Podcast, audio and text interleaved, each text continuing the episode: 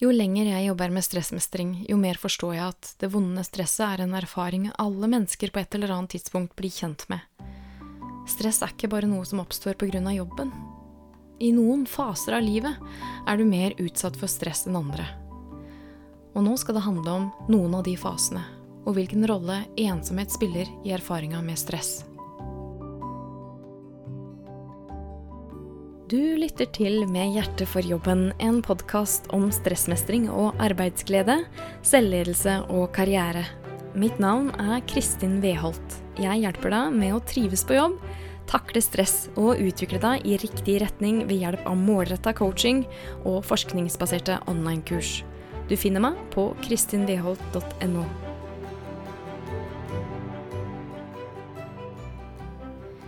Vi skal snart stupe inn i det denne podkasten skal handle om, men først vil jeg fortelle om et gratis webinar jeg skal holde snart. Webinaret er for deg som er lei av følelsen av å ikke strekke til. Du som vil lære deg om bedre måter å prioritere på så du kan føle deg god nok som du er. Gå inn på kristinveholt.no slash webinar og meld deg på. I det siste har jeg tenkt på hvordan livet har ulike faser, hvordan hver fase har sine gleder og sine stressutfordringer. Det begynte da jeg skulle lansere et kurs jeg kalte Mindfulness for flinke piker og gutter.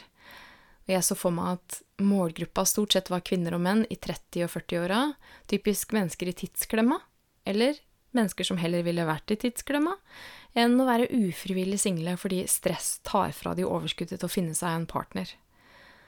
Og temaene vi skulle innom i kurset, det var følelsen av å ikke strekke til, frykten for å gjøre feil, og å ikke klare å leve livet sitt på egne premisser.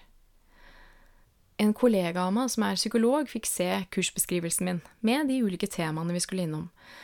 Og så blei hun litt betenkt, og så sa hun Men det kurset her kunne jo også ha passa for en del av mine pasienter kvinner i 70- og 80-åra som har så dårlig samvittighet at de får helseplager, fordi de ikke lenger klarer å, å ta seg av ektemannen sin, men må finne en sykehjemsplass til han fordi omsorgsjobben blir for stor.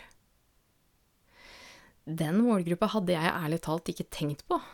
Man er seg sjøl nærmest. Men jeg så jo hva hun mente. Når vi snakker om stress, så tenker vi typisk på småbarnsforeldre i tidsklemma, eller på ungdom som sliter med prestasjonsjag og fear of missing out av sosiale medier. Men det er flere faser av livet hvor du er spesielt utsatt for stress, og som det snakkes mindre om. I forskningen er det en kjent sak at unge arbeidstakere ofte kjenner på stress fordi de er usikre på hva som forventes av de i arbeidslivet og fordi de får de romantiske forestillingene sine om yrket de har valgt, brutalt bryna mot virkelighetens trange rammevilkår. Det er også vanlig å kjenne på stress når du etter 40 år med en jobb å gå til plutselig ikke skal på jobb mer fordi du har blitt pensjonist. Alle betydningsfulle endringer fører alltid med seg stress. Det kan sikkert du skrive under på, du som har vært gjennom en skilsmisse, eller flytta til en ny by hvor du ikke kjenner noen, eller du har mista noen du er glad i, da kan stress bidra i en hel haug av følelser du kjenner på. Det som slår meg i møte med mennesker som kjenner på mye stress, det er ensomheten deres.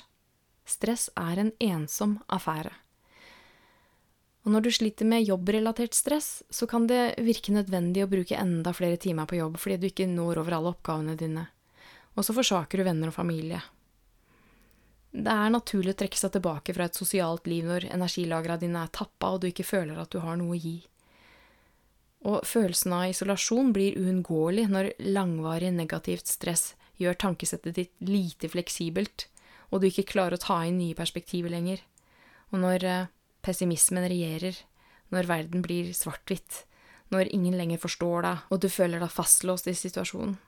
Det her er noen eksempler på hvordan stress fører til ensomhet, men kanskje kan stress likevel føles mindre ensomt, når vi forstår at det er så universelt, at det rammer mennesker i alle livsfaser, og at det her det er, en, det er en erfaring vi er sammen om. Den gangen jeg sjøl sleit med helsefarlig stress, var jeg singel. Ok, jeg skal, jeg skal, være litt mer personlig enn jeg pleier å være nå. Og det her det er vanskelig for meg å fortelle om, men jeg velger å gjøre det likevel, fordi mange av de jeg coacher, er single. Kanskje er du som hører på det her, singel. Og jeg vil at du skal vite at du ikke er aleine om å ha det sånn som du har det nå. Det er helvetes ensomt å oppleve alvorlig stress som singel. Så nå, kjære single venn, tar jeg igjen for laget. Selv om jeg ikke lenger er singel.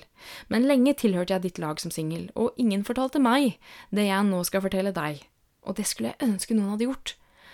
Så jeg hadde sluppet å føle meg så himla ensom. Først forsto jeg stresset mitt som jobbrelatert. Men jo flere år som gikk med vedvarende negativt stress, desto mer blei det til et livsfasestress.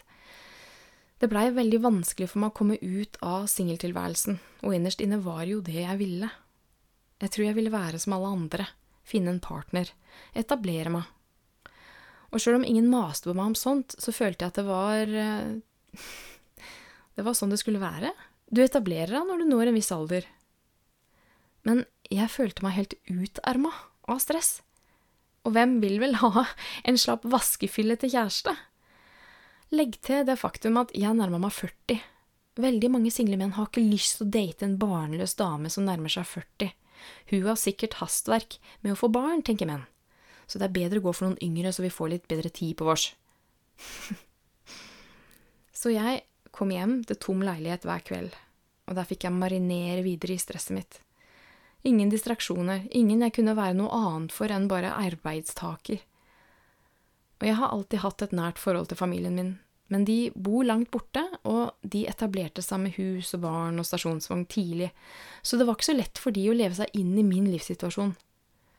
Og jeg hadde selvfølgelig venner, men én etter én så etablerte de seg med mann og barn, de òg, og jeg fant liksom ikke takta, den takta som alle andre fulgte og jeg hadde ingen forbilder og herme etter som hadde gått den veien her før meg med et smil om munnen, altså veien inn i 40-åra uten mann og barn. Så når det som hadde okkupert så mye av livet mitt, altså jobben, begynte å glippe for meg på grunn av stress, vel, da lå følelsen min av tilhørighet plutselig veldig tynt an. Jeg hadde aldri følt meg så ensom før. Jeg visste instinktivt at den ensomheten her, den er farlig.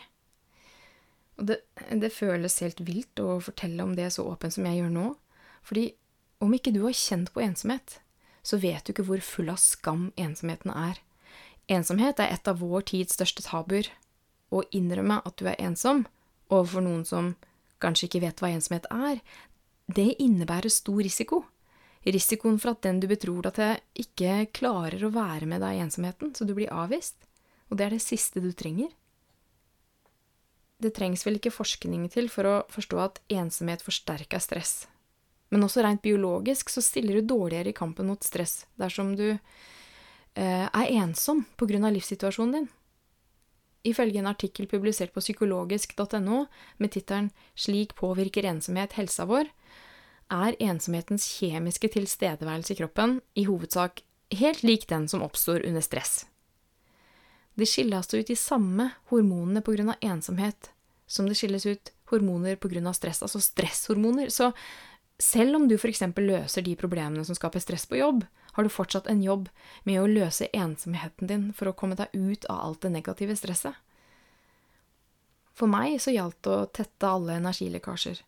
Jeg rydda kraftig i hvordan jeg håndterte jobben min. Men da blei det også klart for meg at jeg trengte en læring og en utfoldelse jeg ikke ville få i den jobben jeg hadde da, så veien videre innebar et karrieretrekk som de færreste forsto. Mer ensomhet. Men det var det vel verdt, altså. Jeg rydda i alle kriker og kroker av livet mitt. Forenkla alt jeg kunne, så jeg fikk kapasitet til å lære nye ting. Lære om hva jeg faktisk trengte for å trives. Hva slags jobbtilværelse som ville være meningsfull framover, Altså hva slags sosialt liv jeg måtte ha. Og jeg rydda så jeg fikk kapasitet til å sette ting i bevegelse, altså gjøre nødvendige endringer for at livet mitt skulle bli bra. Og det krevde tålmodighet og toleranse for at noen løsninger blei midlertidig. Men jeg bygde stein på stein til jeg klarte å ta inn verden igjen. Det tok flere år, men på de åra opplevde jeg mye fint òg. Jeg fikk tilbake nærheten til familien min og til vennene mine, det var en middag med en gjeng venninner og partnerne deres like etter at jeg fylte 40, som fikk en del brikker til å falle på plass for meg. Jeg var singel igjen etter at det eneste ordentlige forholdet jeg hadde hatt på årevis, hadde gått dukken. Og den gamle ensomheten velta over meg blant alle de para da. Den vonde følelsen av å være stuck i en livssituasjon jeg ikke hadde trodd skulle være min i en alder av 40. Jeg vet ikke, kanskje øyna jeg et håp der jeg satt? Om at noen skulle fortelle meg hvordan man får til et normalt liv, for i hvert fall bare datt det ut av meg. Jeg vet ikke hvordan man fikser det livet her, jeg. Hvordan man fikser det med partner og barn. Det, det som dere fikser. Stillheten som fulgte, var verre enn den verste tinnitus. Jeg blei helt svimmel av skam. Det føltes som om jeg hadde røpa noe ekstremt intimt. Og det, det skal vennene mine ha. De serverer meg ikke overfladiske forsikringer om at jo, det kommer til å ordne seg, og så videre, og på den måten avvise følelsen min av å være lost, hvor velment det enn måtte være. Men jo lenger stillheten varte, jo mer nysgjerrig blei jeg på den. Hvorfor er det ingen som prøver seg på en forklaring, husker jeg at jeg tenkte. På hvordan man fikser det livet alle ser ut til å fikse unntatt meg. Fikser? Jeg vet ikke om jeg fikser det her, jeg. Jeg gjør vel bare så godt jeg kan. Det sa omsider en av jentene. Ingen andre sa et pip. Og selv om jeg hadde det ganske vondt der og da, så var det noe som blei forløst på den middagen. Jeg forsto noe jeg ikke hadde forstått ordentlig før, og jeg syns T.S. Elliot sier det best. For us, there is only the trying. The rest is not our business. Her satt de, en gjeng, med helt normale 40-åringer, gift og 2,4 barn og stasjonsvogn. Ingen rundt bordet hadde noe mer fornuftig å si. Kanskje gjorde de bare et forsøk alle som en, med all mulig risiko for å gjøre det feil. Siden, når stress over å ikke vite hvor det livet her bærer, melder seg, så har den vissheten vært mitt sted å søke tilflukt, en beskyttelse mot livsfasestresset. Jeg har akseptert at livet er et eksperiment, og vi kan bare gjøre så godt vi kan. Og det igjen har gjort at jeg lever livet med en litt større letthet nå. Jeg er ikke så streng med meg sjøl, ikke så engstelig for at ikke jeg skal få det til. Og livet kan være stressende nok om ikke det fins en fasit på hvordan man lever òg. Så når du føler deg ensom og i utakt med både deg sjøl og verden, og stresset herjer med deg, Tenk på sitatet til T.S. Eliot.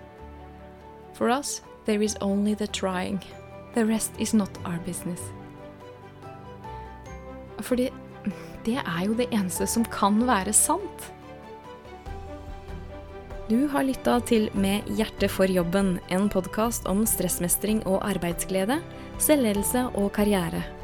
Mitt navn er Kristin Weholt, og jeg er coach, kursinstruktør og karriereveileder.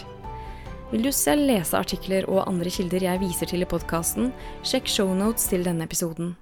Og vil du lese artikler og se videoer jeg har produsert, gå til medhjerteforjobben.no. Der kan du også melde deg på nyhetsbrevet mitt og få tilgang til gratis ressurser som er relevante for stressmestring. Gå gjerne inn og rate denne episoden, og del den med en venn som kanskje også kan ha nytte av å høre denne. På gjenhør!